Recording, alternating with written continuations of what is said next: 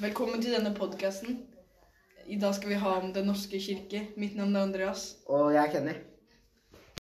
Så vi skal fortelle dere om hvorfor vi valgte Den norske kirke, og hva som gjorde oss interessert i å snakke om det.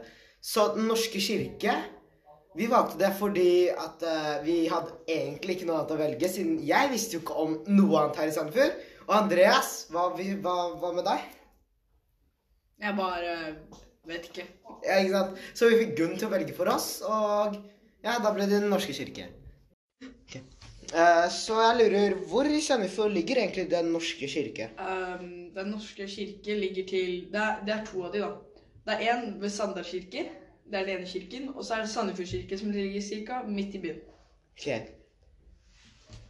Hvordan ser det egentlig ut der inne, Kenny? Uh, inni i Sandefjord kirke så kan du se at når du kommer inn, så vil det være et uh, pass... Faen heter det.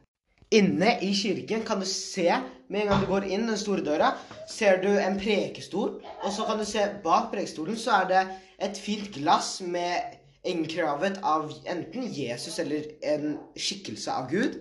Og så kan du se at det er masse benker, og så er det store, store instrumenter som er hengt til veggen.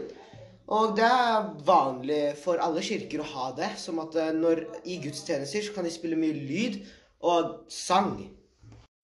Etter at folk møter opp i kirken, så vil de for, gjøre forskjellige aktiviteter for både barn og unge.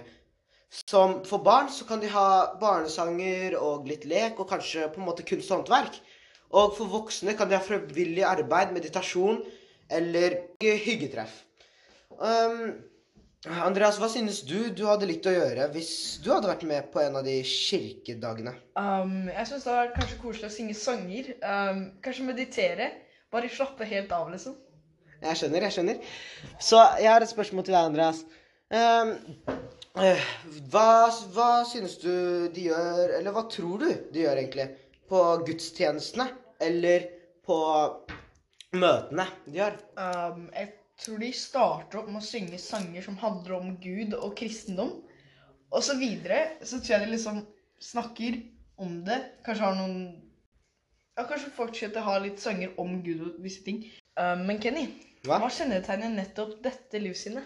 Det jeg synes kjennetegner dette livssynet, er at det er på en måte mer kristendom i praktis, der du kan vise at du ber til Gud og tilber Gud med å gjøre ting for både barn og unge. Og til og med barn og unge kan gjøre ting for voksne og vise at de er noe for kristendommen innafor det.